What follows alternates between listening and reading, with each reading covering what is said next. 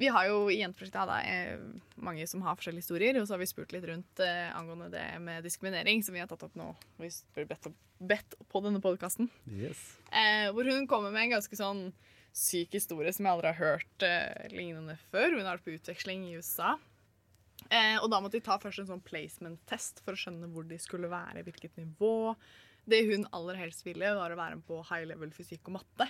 Eh, fikk beskjed av rådgiver om at siden hun var blond norsk jente, så burde hun i hvert fall ikke gå på high level, for det var hun ikke smart nok til.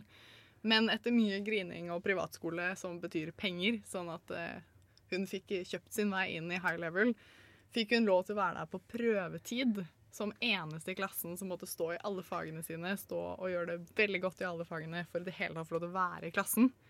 Viser jo at Obviously så klarte hun det. Hun føk jo gjennom med glans. Men eh, følelsen hun hadde første dagen hun kom inn i fysikklassen, og læreren snur seg er sånn eh, Excuse me, sweet lady, you're not meant to be here. This is high level. Og hun bare Vel, fuck deg. Det er jeg faktisk ment til å være. Det er jo en ganske sjuk historie. Dette er USA, da, så vi har kanskje litt heller her i Norge. Men uh, det skjer fortsatt. Ja. Og vi er heldigvis ikke forhåpentligvis på det nivået, men uh, det er jo fortsatt veldig mye som, sånt som skjer. Og det er derfor i dag vi har invitert da deg, Henrietta, og Endre for å snakke litt om dette. I dag er jo da jeg, som vanlig, Mads Lenell Nyhelten til stede. Henriette Eide Blenius. Endre Ulberg. Og Marie Haga. Kan vi ikke ta etternavn? Nå skal jeg bare klippe og ta bare For nå er det veldig mye redigering etter den episoden. her.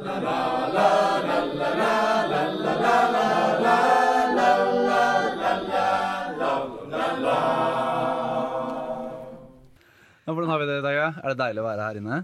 Ja, det er hyggelig. Litt skummelt. Hører seg selv på tape. Podcaststemmen on point. yes, det er bra. Hvordan er det med deg, Endre? Ja, Jeg trives godt. Jeg får lov til å sitte. Det er helt fantastisk. Alt man får gjøre her er studentmediene. Så det er Ja, helt sjukt. det er frihet til hele. Deilig å være tilbake, Marie. Jepp, bare bra. Jeg står i dag, da, så jeg, fikk høre at det var mer volum. Hører kanskje forskjell på stemmen til Ja. Marie. Akustikken er liksom Yes. Så det, det er absolutt det jeg trengte. Mer volum. ja. Så derfor velger jeg å stå i dag. Bård skrur meg ned allerede.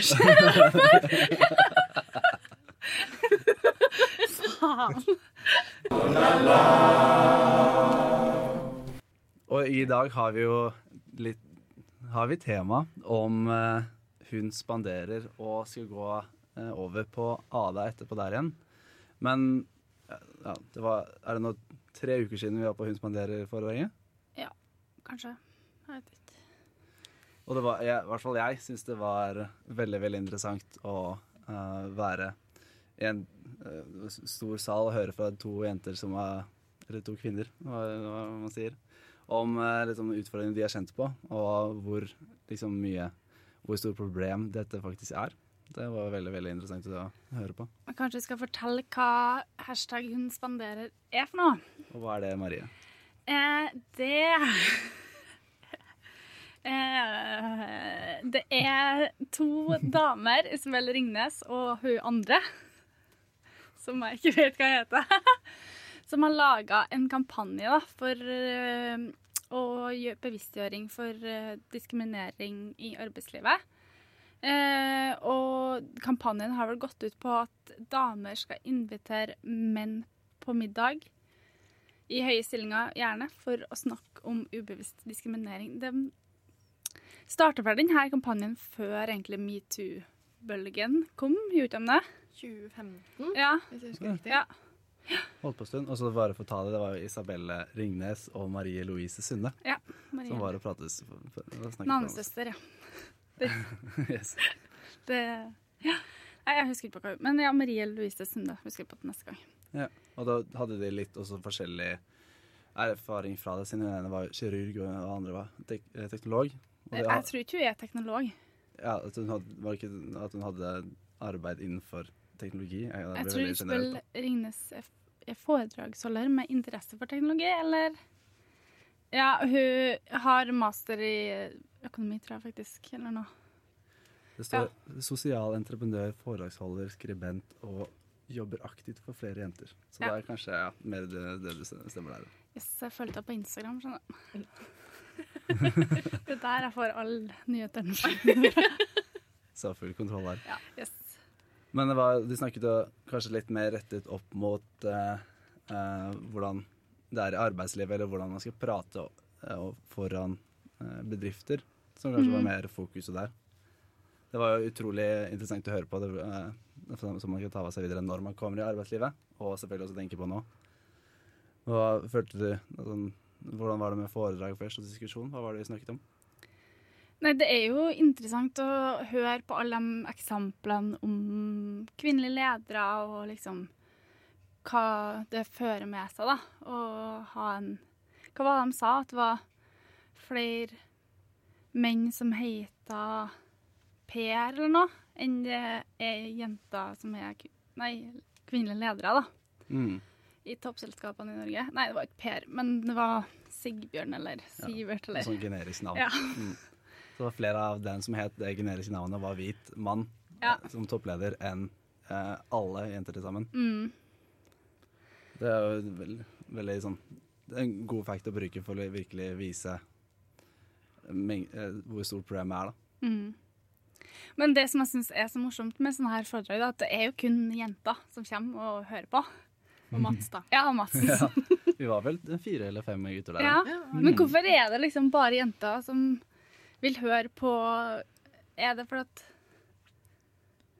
Har dere noe svar der, eller? Det er vel like de som føler på det, føler på det, på en måte, Ja. og ser behovet, mens gutter kanskje ikke i like stor grad ser det behovet ennå. da. Ok, jeg, jeg vil gjette på at det er fordi gutter ikke er så bevisst på det. Og hvis, det ikke, hvis man ikke føler at det påvirker seg, så tenker man ikke over det. Så selv om du ser å ja, det er et kurs om det, det kunne vært spennende, men hvis du ikke føler det på kroppen selv, så har du ikke så stort behov for å gå og se det. Med mindre du virkelig brenner for det av en annen grunn. Og da kan det fort hende at mange gutter er sånn Ja, det er spennende, ja, det er relevant, men ender opp med å velge å ikke gjøre det. Ikke nødvendigvis av vond vilje heller. Nei, så det er jo spesielt eh, sånn, hvor bortskjemte vi er som Abakus-studenter, så er det utrolig mye forskjellig å gå på. Så vi er Ja. kanskje også litt i den situasjonen at det er, det er så mye du kan gå på. Og det gjør også terskelen kanskje enda større for uh, gutter, spesielt i Abakus, da, å melde seg på sånt arrangement, kanskje. Enn hva syns du om foredraget? Jeg syns det var veldig fint. Det er, jeg, sånn som vi har kommet fra, det er jeg kanskje litt interessert fra før av. Så jeg har hørt uh, de fleste uh, facts og sånn de sier på forhånd. Men Ja. det er en ganske uh, annerledes eh, stemning og heller bare være der blant så mange mennesker og faktisk diskutere det med folk og høre personlige erfaringer. De eh, Ganske sånn interessant annet perspektiv på det. Ja, det var, det, jeg syns det var gøy å få diskutert det, liksom. For jeg havner ofte opp i sånne feministdiskusjoner på fylla. Ja. Men de har en tendens til å bli jævla usaklige. Og jeg har en tendens til å bli veldig sint. Eh, men å få liksom faktisk litt et annet perspektiv som er seriøst, og ikke bare for å provosere meg, det var gøyalt. Fikk du kanskje noen tips for hvordan ta det opp i andre diskusjoner for å ikke bli så usaklig? Nei, men jeg føler at diskusjoner på fylla er jo for å komme litt sånn her Det er for å lage litt stemning, liksom. Det, du diskuterer ikke alt på fylla for å Jeg tror Ex on the Beach har opptak, faktisk. Gira på faenskap, da. Men er det, dere to noen sånne eksempler på hvor enkelt det er å ta opp uh, dette emnet når man er ute på normale sosiale setninger? Dette er jo et emne som er veldig veldig sårt. da. Som er en veldig sånn ømfintlig ting å ta opp. Fordi i hvert fall i Norge i dag, hvor man føler at man bor i et veldig likestilt land, så er det jo ingen som føler behov, eller føler det på kroppen på samme måte som våre besteforeldre gjorde. da. Så jeg tror ikke det er noe veldig lett måte å ta det opp på, spesielt ikke med liksom en sixpack innafor.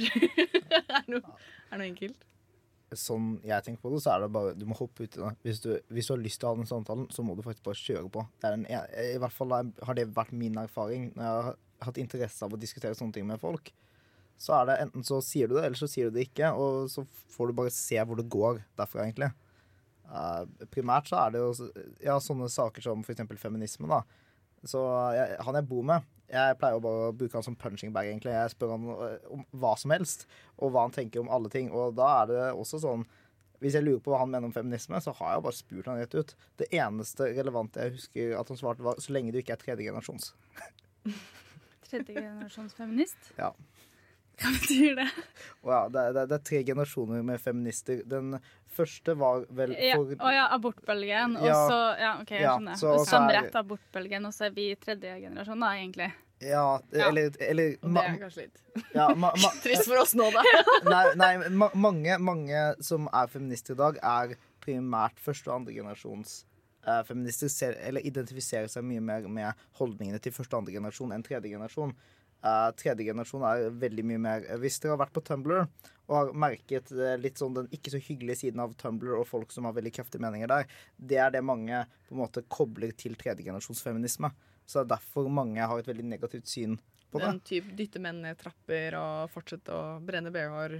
Ja, og ute, liksom sånn det er, det, er ikke, det er ikke løft kvinner opp, det er dytt menn ned. Ja. Og er det det- sånn sånn, der Hun som typ skulle adopt, Nei, ta abort hvis du fikk en sønn og sånn type ting, Ja, liksom? det er, det er, det er Ja. veldig sånn type ting. Det er, tre, det er mer det man assosierer med tredje generasjon. Okay. Og så er det, men det er mange film som identifiserer seg med første og andre generasjon i dag. Men jeg tenker liksom at um, man må kanskje hvis man skal ha feministdiskusjonen nå, da, eh, være litt sånn hva, Ja. hva diskuterer vi, på en måte? Fordi den feministdiskusjonen er liksom Det er så sårt, da. Fordi Ja. mange tror at feminisme er den biten der, og det er det jo absolutt, absolutt ikke. Så det Bare pass på at det ikke er det som feminisme er. Blir Ja. heller liksom Da vil jeg kalle det feminisme en gang. liksom. Det er ikke tredje generasjons feminisme, for det er jo ikke feminisme. Det er jo Det er vold. Ja, nettopp. Det er liksom den sykt ekstreme biten av noe, da. Ja. Det er som å igjen si at alle terrorister kommer fra islam. They don't. Men for å ta det litt tilbake til eh, hvordan ta opp diskusjonen med andre. Ja. Jeg, jeg som gutt kan jo se, synes det er veldig enkelt Jeg kan skjønne det veldig greit at uh, hvis en jente begynner å ta det opp med en gutt, så uh, skjønner ikke den sånn som vi snakket om i sted, at han er ikke inne i situasjonen. Og det kan være utfordrende. Men er det også utfordrende å ta opp til hva skal man kalle det, den vanlige jenten, som kanskje ikke tenker så mye på det, eller hvordan er det å ta opp diskusjonen der? Er, er det veldig forskjell fra å ta det opp med en gutt?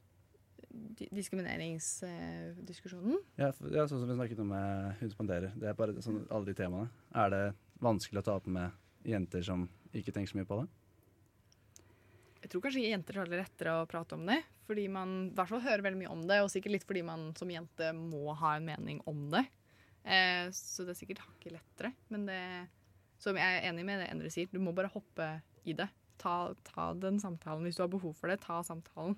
Uansett om det er på Kanskje prøve å unngå fylla av barn. men det er morsomt å ha en diskusjon. Men hopp i det. Det er jo det er noe vi må snakke om, for med en gang man ikke snakker om det, så blir det tabu. Og det er enda verre. Ja, når, jeg tenker på å ha, ha på en måte eh, samtaler om diskriminering, spesielt mot kvinner med jenter, så føler jeg veldig ofte at de har gjort seg opp meninger om det på en helt annen måte enn det gutter har. For gutter har også meninger om det, men jeg føler jenter ofte snakker om det på en mer personlig måte, som gjør at det er en Jeg føler i hvert fall ofte en mer givende samtale å ha. Så jeg, jeg syns det, jeg synes det egentlig er en veldig markant forskjell når du snakker med gutter, når du snakker med jenter om det. I hvert fall ofte, men ikke alltid. For det er jo alltid folk som har gjennomtenkte meninger om alt. da, Så man kan ikke generalisere for mye. Men jeg synes du tar opp et veldig viktig poeng, for det er ofte sånn eh, jenter snakker om det veldig personifiserte biten av det her. da, Så hvis du skal ta det opp med den jevne en hvilken som helst jente, da, vær litt, kanskje litt forsiktig, bare trå litt varsomt, fordi plutselig så har hun en historie på den biten, eller føler veldig sterkt for det, fordi det er, de jenter personifiserer ting veldig mye mer, da, eller vi er flinkere på å se det i vårt perspektiv sånn sett, da. Eh, så kanskje man må trå litt mer varsomt. Okay. Du snakket jo litt om det, Henry, men kommer litt an, men eh, som gutt å ta det opp for en jente Da kan jo liksom eh, Vi er jo ikke direkte inne i situasjonen, så vi er ikke eh, direkte påført. Og, eh, hvordan er det da eh, Har du følt noe på at det er vanskeligere for, som en gutt å ta det opp med jenter? Jeg syns det er lettere. Uh, dette knytter jo kanskje litt opp mot at jeg primært har mest uh, jentevenner. og har alltid hatt det. Uh, så for meg så er jeg mye mer vant til å snakke med jenter. Så da går det veldig lett for meg. Eh, men eh, jeg Jeg vet jeg, jeg føler at det er en Jeg føler ikke det er en vanskelig samtale å starte. noen gang. Fordi jeg, jeg føler at hvis du har et genuint ønske om å ha en ordentlig samtale om det, så spesielt med jenter så føler jeg ofte da at de ønsker å ha den samtalen også, så lenge du fører samtalen på en ordentlig måte og ikke sier noe som er åpenbart respektløst. Eh, så går det som oftest veldig veldig greit, og er på en måte ofte en konstruktiv samtale hvor du ender opp med å sitte med et bredere perspektiv på slutten av samtalen. Mm. Det var egentlig noe jeg ikke har tenkt så veldig mye på tidligere. Men det kan være ve veldig greit for gutter som uh, vil hoppe på å høre på den podkasten. hvis man syns det er litt vanskelig å ta opp, da. At det er liksom tips til hvordan man skal ta det opp for å enten lære mer om det, eller bare for å snakke med den man har i omkretsen om det, for å vite hvor folk ligger på det. Hva tenker dere om det, jenter? Har dere tenkt noe på den situasjonen? Jeg tenker bare jenter at det kanskje må eh, tillate seg at gutter har lyst til å snakke om det. At eh, vi ikke må bli noe hårsåre. At vi må prøve å liksom godta denne diskusjonen, da, for det er en fin diskusjon å få opp. Og ikke, ikke ta det inn på oss, da, men se det heller som en konstruktiv diskusjon som man kan ha, og så kan man åpne kunnskapen sin. da. Mm. Og jeg syns jo liksom media har jo vært flink til å holde fokus på det, liksom, og gjøre det lettere å snakke om, liksom. Og de skriver mye om det, og det snakkes mye om det, og det gjør det jo lettere å få det fram i hverdagssamtalen, da. Men føler man at eh, ting jeg har tenkt på, som jeg har hørt folk snakke om, det er jo den om det blir noe oversnakket om. da. At etter metoo-kampanjen så blir man litt sånn overfølsom for all type diskriminering. At man må godta en klam hånd på låret en lørdagskveld, liksom. At eh, det er noe med den biten nå, eller hva Nå spør jeg egentlig litt ut til dere øyne. Hva tenker man om det? For det, her er det jo mange meninger. Ja, altså eh, Mer det at det kommer i nyhetene hele tiden, altså hørt fra andre. At du blir litt overdøvet av spesielt det. Det er i hvert fall noe jeg har kjent på. At du liksom hører det hele tiden. Altså, det, er, gjelder også som andre saker. Ikke bare spesielt med dette, men at du hører det hele tiden. At det også blir en vanesak. At det vanner litt ut. Det kan jeg se er litt problemsoner. Men har det egentlig hatt den effekten? For jeg føler at etter metoo så har man heller tenkt på at fuck, det her er faktisk seksuell diskriminering, og folk blir mer bevisst på hva det faktisk er, da. Og bevisstgjør hva det ligger i begrepet, da. Du hører om historier, du relaterer deg sjøl inn i det. Så ja, det kan jo at folk blir lei, liksom, men jeg føler at det har informert mer enn det har trøtta, da. Ja, jeg er også veldig enig i det. Ja. Men det var også spesielt når det var på det største i, Ja. i media. Det var under den perioden liksom, det ble veldig mye. Ja. Det, Jeg det kom frem, og jeg tenkte ikke så mye over det selv før jeg hørte det liksom, på nyhetene, om at de selv tenker at det kanskje kommer litt mye. Har du tanker om det, Endre? Ja, altså, det, det jeg tenker er at man må, man må huske hva som er den mest morsomme tingen med oss mennesker. Og det er det at vi, bli, vi utvikler oss på et felt når vi lærer mer om det, og når vi blir opplyst og blir bevisstgjort på det. Tingen er f.eks. hygiene. Folk skjønte ikke hva hygiene var før de fikk det forklart. Og når de fikk det forklart, så ble plutselig levealderen til alle forlenget ganske mye.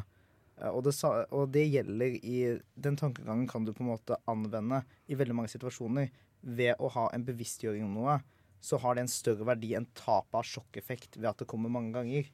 Så totalt sett så vil jeg si at bevisstgjøringen er verdt mye, mye mer.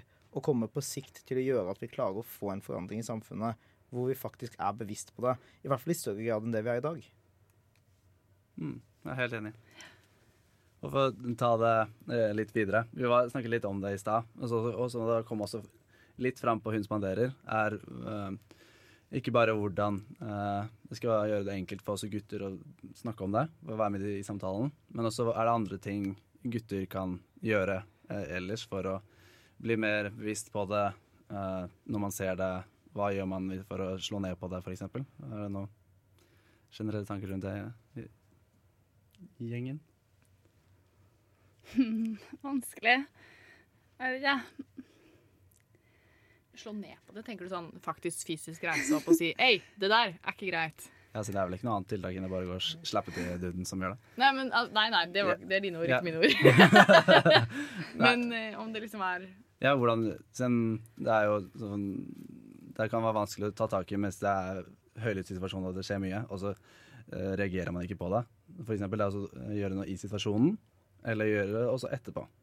Man kan f.eks. for eksempel ifra fra til begge parter for eksempel, etterpå at den ene det var feil, og at den andre at du støtter den personen at jeg så at det var feil. Og det kan vi ikke på en måte. Det trenger ikke nødvendigvis å være akkurat i situasjonen. jeg, jeg holdt på å si jeg, I situasjonen hadde jeg i hvert fall håpet og forventa meg selv at det jeg gjorde, var å ikke eskalere situasjonen på noen som helst måte, men heller prøve å få kontakt med den som føler seg i en ubekvem eh, situasjon, og prøve å bistå dem, og heller nedeskalere situasjonen så mye som mulig. En tredje person som står i som, eller enda en person som står ved siden av dem, gjør det ikke så veldig enkelt for den som har tenkt å gjøre noe ubehagelig, uansett hva det er. Det er jo slett Ex on the Beach, faktisk, at det hjelper ikke at det kommer en tredje person der. Nei, så, så, så jeg, jeg tror at det på en måte Det viktigste er kanskje å være rolig og passe på at du ikke skaper en situasjon som blir enda verre enn det den allerede er. Og så prøve å bistå den personen som trenger det mest. Mm. Har du noen andre tanker om det, jenter? Nei, det, for liksom, det er ikke ofte man ser det heller, da. Det er kanskje mer at man hører om det. Mer enn at man faktisk ser det. Og da syns jeg det er sant som Endre sier, liksom, det er viktig å snakke med Både si ifra 'herre syns jeg faktisk ikke det er greit', og til den personen som var slem, da. Jeg kjenner jo litt at um, i Norge, i ute av byen, egentlig møtt veldig sjeldent sånne type diskriminerende ting. Da. Man på en måte feier det av litt som en sånn sånn er det på byen når man er ute-holdninger. Eh, den sykeste opplevelsen jeg har hatt, var jo da vi var i Italia. Eh, og jeg var på utested. Og skulle ut av utestedet, jeg skulle reise hjem. Eh, må bli sjekket av vakta, typ kroppsvisitert. Og eh, på slutten av kroppsvisiteringen, som også var noe u- ubehagelig, eh, løfter han meg opp når han slipper meg ned, biter meg i puppen og dytter meg av gårde. Og da kjente jeg at jeg var sånn Nå vet jeg ikke hvordan jeg skal reagere, for ingen har noen gang forberedt meg på, på det her. Eh, så jeg tror jeg endte med å si eh, takk på italiensk, eh, og sto helt eh, overrasket og bare visste ikke hva jeg skulle gjøre. Det var det eneste ordet jeg klarte å komme på. Eh, hadde en venninne som kom bak meg i køen, kunne hakket mer italiensk, og skjelte han ut da han, han gjorde det samme på henne. For dette var tydeligvis måten han sa ha det til alle jentene på klubben på. Um, og dette er liksom sånn Jeg vet ikke hvordan man reagerer på det her. Jeg vet ikke hva man skal gjøre med det her. Og dette er en av de sykeste opplevelsene jeg selv har hatt da, på den type diskriminering. For liksom en hånd på rumpa på byen, eller liksom at noe skal gnikke seg opp etter deg, er kanskje noe man forventer i dag. Eh, hvis man skal snakke om bare generell diskriminering ute, da. Fordi det er en holdning man har, ikke bare på arbeidsplassen, det er en holdning man har overalt i i tilværelsen sin. da. Kan du ha det ute, så har du det, kanskje tar du det med deg hjem på jobb. Jeg har hørt det, eh, flere ganger om det at eh, Italia ikke kommet så veldig langt på dette temaet. Det var, vi, jeg var der bare et semester, du var et helt år. Og det var veldig mange spesielle Ja, Så ikke det beste, beste på en måte å snakke om, da, men det er, på en måte viser at når vi har folk i ADA som opplever dette i USA, og vi opplever dette i Italia, så er det sånn ja, vi er i Norge ekstremt heldige. Vi må bare ikke glemme at med en gang hvis man skal få seg jobb utenlands, eller man skal få oss å gjøre noe, man opplever forskjellige ting overalt. mm. Det, er- det, er sånn, det er vanskelig å sette seg inn i en situasjon, for som ofte så kommer den så raskt på. Så du blir jo i sjokk.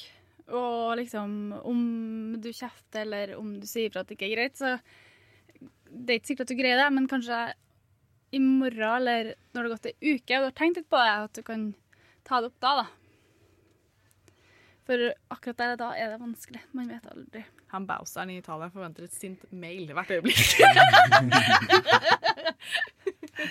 Yes. Har du navn på utestedet? Sender mange mail til han. Mange mail. Men du, du begynte å snakke litt om, også om det, for å prøve å ta uh, det videre på temaet. Ja. Uh, så komme litt tilbake til Norge og begynne å snakke litt om Ada. Det er jo egentlig også hovedrollen. Vi har ambassadørene her eh, derfra. Og så kanskje starte litt sånn i en generell introduksjon til hva er Ada? Um, jo, ADA er jo organet på NTNU som på en måte Vi jobber for å opprettholde jenteandelen, for å få høyere jenteandel, for å forhindre frafall, eh, rekruttering, og har en kontakt med arbeidslivet utad for jenter som starter på eh, i sånn linjer under IE-fakultetet, da. Ikke ramse opp alle her nå. Ja, Det er egentlig akkurat det. Rekruttering, frafallsforebygging og eh, kontakt med næringslivet. Det er primært de tre tingene, og så er det for linjene på IE. Hva er dere gjør i Ada, da?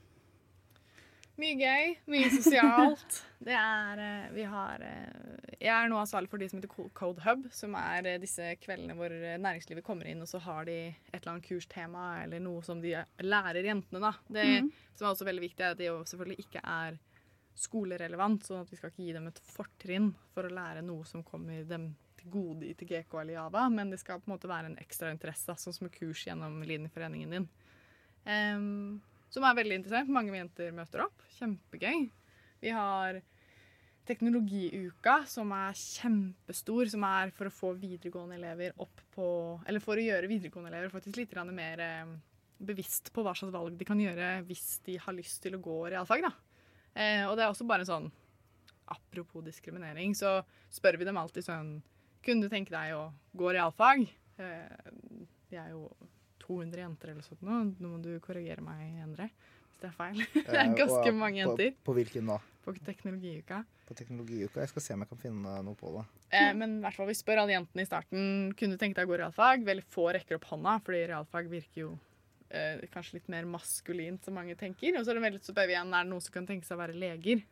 Og Ja. da rekker jo alle opp hånda. Og alle forteller jo at det er det de får beskjed om hjemmefra, og være rådgivere og alt, fordi at liker du realfag, så skal jo du som jente bli lege. Mm. Eh, og det som er veldig kult, er at etter en uke hos oss på NTNU, da, hvor vi viser dem kybernetikk, vi viser dem elsys, vi viser dem matte, eller vi viser dem alle mulighetene de har, så søker 90% av alle jentene som møter opp på teknologiøka, søker seg inn på et studie på NTNU. Det er veldig kult. Som er medisin? Ja. Ja, stemmer! det er derfor jenteandelen der. Ja, forresten, jeg, jeg fant tallene. Det var ca. 200 deltakere og invitert til et tredagersopplegg. Men det ja, jobber hovedsakelig med det, og det er for å skape et samhold. da. Fordi det er jo et veldig mannsdominert uh, yrke, en veldig mannsdominert uh, studieretning. Sånn at det vi gjør, er bare for å sørge for at jenter har noen å snakke med. For det er jo på en måte lik, lik, lik. Sånn at hvis du ser andre jenter som takler det, gjør det samme som deg, får det til, forteller om første semesteret sitt hvor de også strøk i fire fag, og det gikk fint, så kanskje har du det bra den dagen du sitter der og kjenner at det er kjipt. da. Fordi veldig mange av de jentene som starter på NTNU, er jo best i klassen. De har masse gode karakterer, kommer på NTNU, og så smeller det i matte 1. ikke sant? Eh, og da er det fint å vite at det er folk som er der for deg, og får deg gjennom disse fem eller tre årene på NTNU. da. Ja, jeg, jeg kan nevne én ting du ikke nevnte, og det er jo jentedagen. Det er en av de andre store vi har. Eh, og det er eh, for tredjeklassejenter med R2-matte, der hvor vi tar ca. 250 av dem og har dem på NTNU i ja, det ser for hele landet i to dager. Og det, det hjelper også på realfags- eller teknologirekrutteringen jevnt over, faktisk. Så jeg holdt på å si, utover det så tror jeg du nevnte nesten alle tingene vi gjør, så det var Ja. veldig bra jobba. God ansatt. God ansatt. Ja.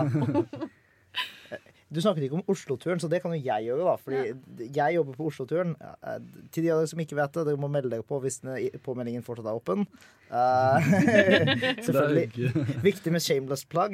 Uh, men uh, ja, Oslo-turen er jo når, når Ada drar med seg nå i år 140 jenter eh, til Oslo. eh, For å være Det er vel tre dager Tre dager med møte med bedrifter, de som er i karrierenettverket vårt.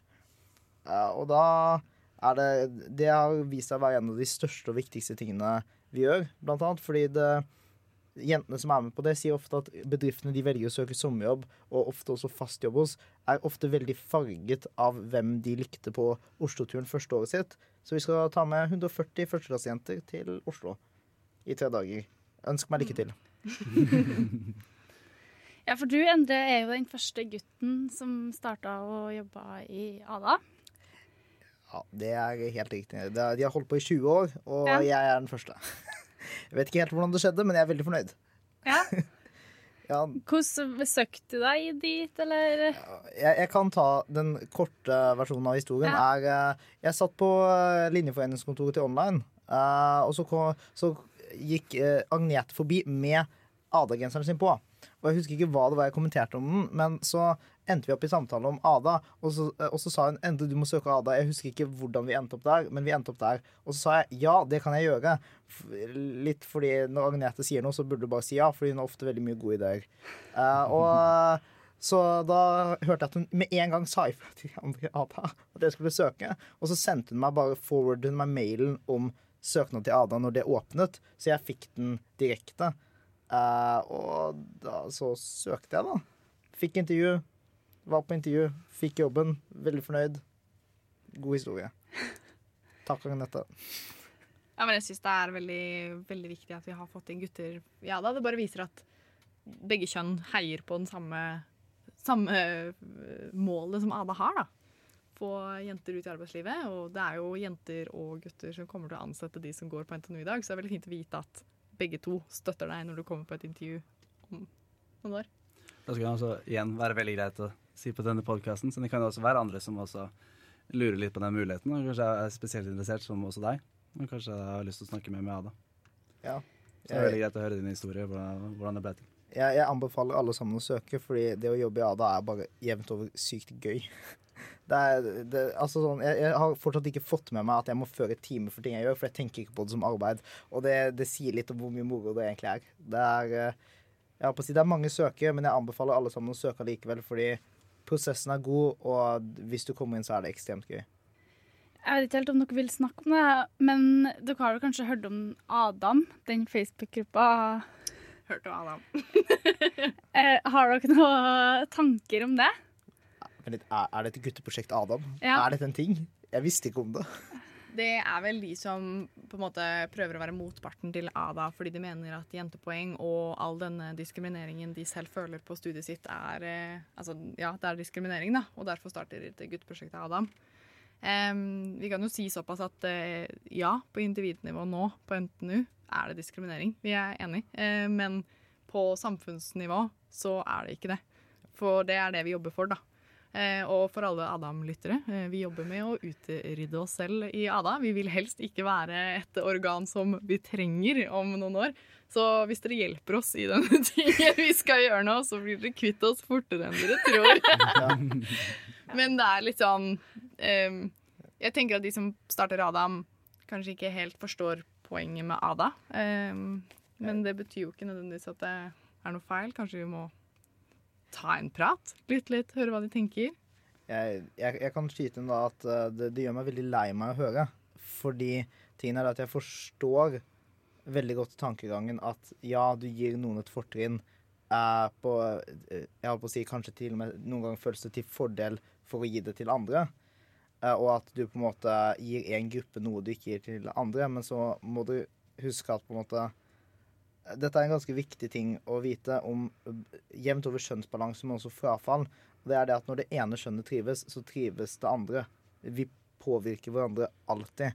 Som betyr at hvis vi har en, eh, et kjønn som har en betydelig vanskeligere situasjon av diverse grunner, og på IE-fakultetet så har vi det, så er det slik at å bidra til deres trivsel kommer på sikt til å gjøre det bedre for guttene også.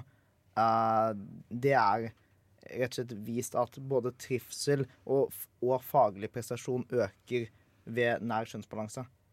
Vi har jo til og med forsket litt på dette selv også, fordi det viser seg at for hver 10% jenteandel som øker på et eh, hvilket som helst studie, er 0,2 eh, prosentpoeng av gutter som dropper ut, altså minker. Så det blir færre gutter som dropper ut, jo flere jenter som attender studiet, da.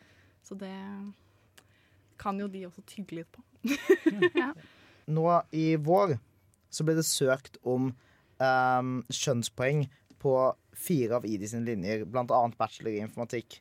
Og med det så fikk vi da en rekke argumenter for hvorfor man burde innføre kjønnspoeng. Og der er det eh, Den første som jeg syns er veldig interessant, er den psykologiske effekten. Fordi man ser ofte at eh, jenter tør ikke søke studier. Eller velger, kanskje er mer riktig å si. Velger rett og slett å ikke søke studier de ikke er helt sikre på at de kommer inn på. Så selv om de kanskje har ett eller to poeng over det de trenger for å komme inn, så velger de å ikke søke fordi de er usikre på om snittøkningen tar dem igjen. Som, eh, som betyr at jentepoeng for, for mange av jentene som kommer inn, er mer den psykologiske boosten for å være helt sikker på at det er garantert at jeg kommer inn, heller enn at det er, at det, er det de trenger for å utkonkurrere guttene. Så Det- ja. det er eh, ganske spesielt, og det er mange som ikke vet det. Og det er jo også en av grunnene til at det er mer OK å ha det, holdt jeg på å si. Ja, Det er en av de to tingene da vi fjernet kjønnspoeng i, på Nano Induc, da, den perioden der. Så det ble fjernet fordi det var oppnådd 50, eller nesten 50 ikke kjønnsandel da, på kvinner og menn. Eh, og da, neste år, så mistet vi jo halvparten av primærsøkerne som var kvinnelige studenter fra året før. Og det var jo bare den psykologiske faktoren av at jenter ikke søker studier som de ikke er 100 sikre på at de kommer inn på. Da tar de heller andre valget sitt på førsteplass, og så ser de hva som skjer, da, fordi vil heller komme inn enn å komme ned på andreplass. Og det er jo kanskje bare den Sånn er kvinner, og sånn gjør man det på arbeidsplassen òg. Når man skal søke en jobb, så må man tikke av i hvert fall åtte av ti punkter, da. Mens en mann kanskje trenger å tikke av tre før han tør å satse. Så det er bare noe man må tenke på som er grunnen til kjønnspoeng, da. Det kom jo veldig mye inn på der at uh, hele denne greia er jo sykt kompleks. Og bare liksom se på det at de får noen poeng, og så det hjelper dem på den måten med bare tallene, er jo som altfor lett måte å se på det. Så det er også veldig fint at dere får fram liksom Det er et sykt kompleks greie, hele greia. Ja, altså sånn, det, det skumleste er jo når du ser på det er, eh, Hvis du ser vekk fra tiltak som ADA, så er det to ting som påvirker jenteprosent, eller kjønnsfordelingen veldig kraftig. Det er navnendringer, og det er, og det er skjønnspoeng. De to tingene kan i teorien, eh, i hvert fall ut fra det som har skjedd på NTNU, flytte fra 10% av det ene skjønnet til 50-50 på potensielt to år. Eh, hvis dere vet hva energi og miljø het før, sterk strøm, så kan dere kanskje se for dere at det ikke var så mange jenter som søkte. De byttet navn til energi og miljø. Jeg tror de gikk opp med 20 prosentpoeng det året de skiftet navn. Uh, I tillegg så tror jeg de også har jentepoeng, eh, hvis jeg ikke husker feil. De var fjerna, men uh, det, jeg husker bare vi feira liksom at Emil var good. Ja, i 2014 Ja. oppnådde vi det. Mm. Da var det ballonger og pizza. Ja. Og, og, og så skal jeg si en ting til alle som ikke liker skjønnspoeng. Det gjør ikke jeg heller. Eh, og tingen er at Kjønnspoeng er det mest effektive virkemidlet vi har for å gjøre en rask forandring på kjønnsfordelingen. Det er ikke ment som et permanent tiltak. Det er ment for å eh, i, få en prosess som går sakte, til å komme mye lengre, slik at man kan gjøre andre tiltak som stabiliserer kjønnsfordelingen mye mer, for å så fjerne kjønnspoengen. Det er ikke ment som et permanent tiltak. Det er aldri ment som det. Og det er ikke sånn at folk ønsker å ha det på en permanent basis. Og det skal ses i sammenheng med andre tiltak. Det skal ses i en, ja, i en større sammenheng. Og det er viktig å på en måte ikke tenke at kjønnspoeng er det eneste. Fordi kjønnspoeng er på en måte heller et ekstremt tiltak man gjør for å oppnå andre resultater. Det, man gjør det ikke for jentepoengene, man gjør det for å oppnå en bedre hverdag for studentene. Det er også viktig å si at eh, ADA har jo ikke noe med jentepoeng å gjøre. I hvert fall hvis vi skal snakke om ADA her, da. Eh, det er ikke ADA som studerer, eh, justerer jentepoengene. Vi jobber for eh, nettopp frafall og rekruttering. Eh, og dermed også på andre linjer. ADA er jo veldig stor samarbeidspartner med alle de andre skolene som har lyst til å gjøre det samme. da. Og i hvert fall de som nå har blitt med i fusjonen eh, med NTNU. Men vi jobber også veldig med andre typer linjer, sånn som sykepleien eller dyrlegen eller lignende, for å få inn menn. da. Så det er på en måte bare hvordan Altså, ja, å kjøre på sånn som alle gjør nå, da. Det funker. Eh, og det må bare gjøres for begge kjønn. Jeg, jeg kan avslutte med å si at eh, eh, ja, det med jentepoeng blir faktisk styrt av NOKUT. Så hvis dere ikke liker eh, jentepoeng, så klag til NOKUT. eh, ikke til NTNU.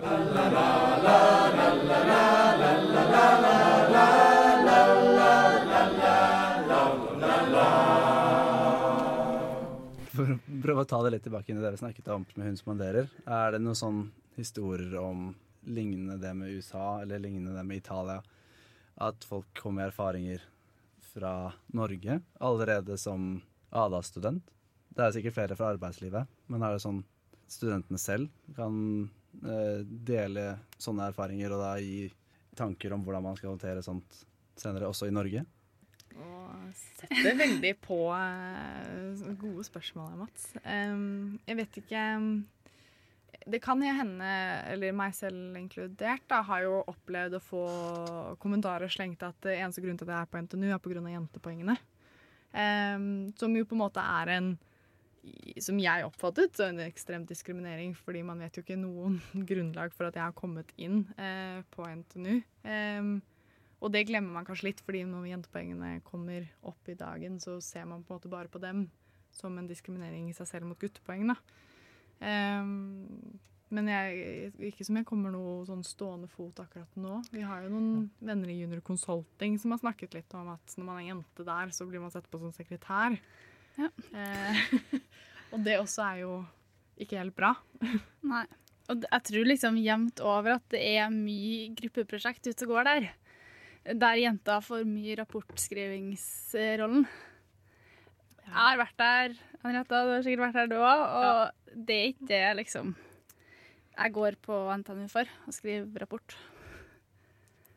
Så Nei. det er liksom litt sånn oppfattelsen av at ja, OK, kanskje du er litt flinkere enn meg til å prugge, eller veldig mye flinkere, men du jeg er interessert i å lære og liksom ikke bare sitte og skrive den forskningsrapporten.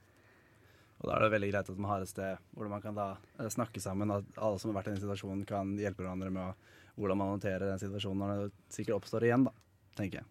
Mm.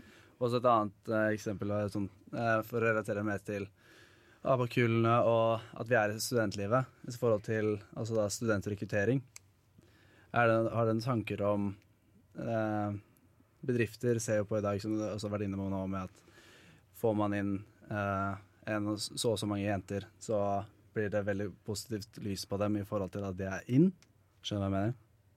Nei. Sånn at det da at, uh, De prøver å oppnå 50-50 Er det at de liksom tar med seg mange jenter for å si hei, hei, vi ser vi er jenter på arbeidsplassen? Er det jeg tenker på, liksom? Ja, de, det er liksom et mål som alle skal ha, og hvis du ikke har det, så Ja. er det kleint, så er det feil.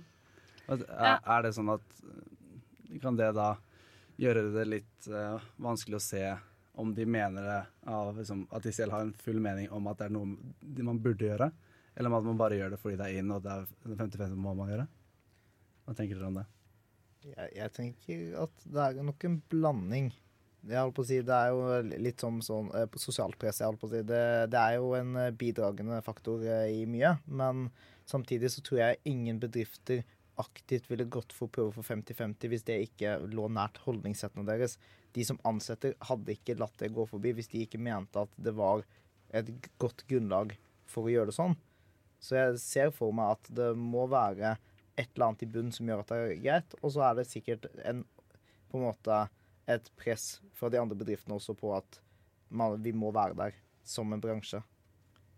Ja, jeg tror også det er litt sånn Kanskje ikke 50-50, men litt sånn Nå øker jenteandelen på veldig veldig mange tekniske studier, så nå er det på en måte en veldig gunstig tid å begynne å branche ut og si at vi er veldig interessert i jenter. For det er faktisk, det er faktisk jenter der du kan få tak i og ha på arbeidsplassen din. Og man vet jo, som Endre også har snakket om, at både trivsel og det faglige øker hvis man er mer mer enn 50 eller begynner å nærme seg likestilling på arbeidsplassen på andel eh, gutter og jenter. Så jeg tror kanskje det er litt det også. Eh, Vi Ada opplever jo at bedrifter er ekstremt positive til det her, så vi har jo veldig veldig mange bedrifter i kø for å få lov til å være en del av dette nettverket som vi har. Så jeg tror ikke det bare nødvendigvis er trend, for veldig mange av dem får jo ikke den krediten av å være eh, Hei, vi er og vil ha jenter, fordi de er på ventelisten vår, og Nei. de står der lenge. Ja. Så det er nok en blanding, helt klart. Mm. Det er ikke kun for å få det kjønnet, det er for å få tak i flinke folk også. Man må ikke glemme at eh, dataprogrammering var kun for kvinner frem til eh, 70-tallet. De er flinke folk. yes.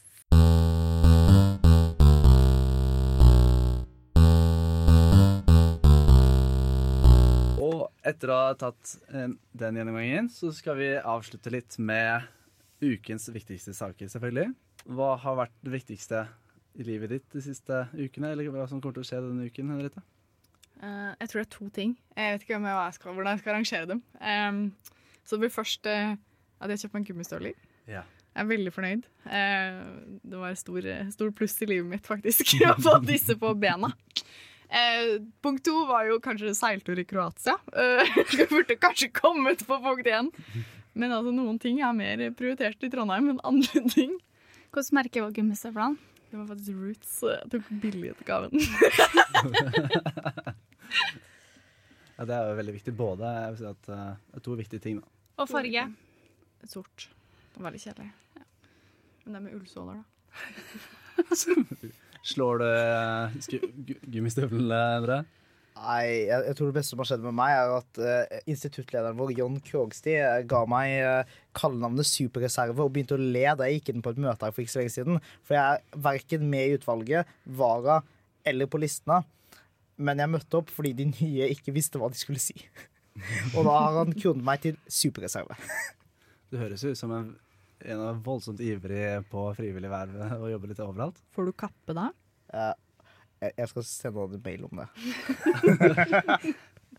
Kappe, vær så snill. Ja, vær så snill. I- ID-kappe. Jeg vil ha. Har du fått noe kappe i det siste, Marie? Eh, nei, men jeg har oppdatert telefonen min til IOS eh, 11? 12? Ja, vet da faen, jeg. Men i hvert fall så Det er gummistøvlene våre. Ja. Så trykte jeg på den der oppdateringsknappen, og da har iPhone og Apple kommet med noe så smart at de summerer hva jeg har brukt telefonen min til da, den siste uka. Ja. Og det tenkte jeg at ja, skal jeg se hva jeg holder på med. Og da fant jeg ut at jeg brukte 6 timer og 43 minutter på Instagram forrige uke. 3 timer og 40 minutter på Snapchat. Og sånn her to timer på Messenger, da. Ja. Så det er ikke rart jeg har noen viktige saker, for det tydeligvis det her det tar tid. Og liksom sånn her Det er helt for jævlig å se det svart og hvitt. Det er en liten oppvekker å se faktisk hva du bruker tiden på. Men eh, med, når vi er inne på det, da, så er jo Tinder med i den oppsummeringa, Mats. Ja, hmm, hvorfor tar du opp det, Marie? Så hvor mange timer har du brukt på Tinder de siste ukene? Mer? Og det er vel en grunn for at du tar det opp, utenom at du er veldig interessert i min, hva jeg bruker mobilen, Ja. mobiltiden med. Nei, det, jeg skulle jo kanskje da ta en update på eh, sist tema, Ja. som passet veldig bra inn på det, dagens tema nå, etter det her. Men jeg kan egentlig ikke skryte av så veldig mye. Det har vært eh, dårlig på strukturering, virker det som. Så det har egentlig vært eh, videre kjør på det sånn jeg allerede har gjort det. Så vi kom jo egentlig fram til også at jeg skulle fortsette med å altså, bli kjent med folk. Som jeg også har gjort tidligere. En ny Men arena, sa vi. en ny arena er jo der jeg kanskje har feilet eh, størst, da. Mest. Ja. Så eh, dessverre. Jeg kan ikke alle, de alle en og en halv som var interessert i det der, det kan jeg ikke oppdatere på så veldig, nei. En og en halv person, var det du mente? Ja. Ja, person som var interessert i det. Altså er ingen. Ja. Okay. Jo, det tror jeg, ja. Ja, det er noen lyttere her sikkert som gjerne vil vite litt mer om hvor du befinner deg når. ja, sikkert absolutt. Ellers så, hva er din viktigste sak, bortsett fra Bortsett fra det her, her er mitt eh, datingliv. Ja. Nei, det var egentlig veldig, veldig gøy på eh, Oktoberfest. ja. Vi hadde-. Hadde, ja, det var utrolig gøy. Det hadde ikke vært på, vært på låven før. Det har jo vært arrangement der før. Men eh, for første gang så var det veldig, veldig, veldig, veldig gøy. Det var høyt eh, drikkenivå, og det var vel også tydelig med flere som eh, ikke eh, tålte hele kvelden. Men eh, det var absolutt veldig, veldig gøy. Jeg, jeg hadde også snakket om at jeg, apropos singellivet mitt, Ja. så skulle jeg legge plan her òg. Det er Ja. fel, fellete, kanskje. Og så når jeg går rundt sånn der, så blir jeg også bare veldig tulling. Så jeg mister litt fokus på, På jobben du har å gjøre. på jobben, dessverre. Ja ja, lykke til neste gang. Takk. Vi heier på deg. Yes. et, etter at det da greide å få henne drite meg ut litt her, altså, så kan vi gå over på avslutningen. Og som vi alltid sier her, så følg Abakus på sosiale medier. Vi legger ut et lite innlegg hver uke når vi kommer ut med podkastene våre. Det kan være enklere å få være up to date med alle våre sykt interessante episoder. Og som alltid, hvis det er noe du tenker kunne vært passet deg for dette mediumet, så håper jeg du sender inn en e-post på podcast at abakus.no. Da er det, som jeg alltid sier, også veldig lavterskel. Så er det noe, så håper jeg inderlig at du sender inn til oss. Og utenom det så vil jeg selvfølgelig takke til Bård, tekniker, om han sitter her i nærmest en time og også høre på turpratet vårt. Så det setter vi som alltid veldig, veldig pris på. Takk til C-Sharp for jinglen, og selvfølgelig takk til våre gjester. På gjenhør. Ja. Ha det bra. La, la, la, la, la, la, la, la, la, la, la, la.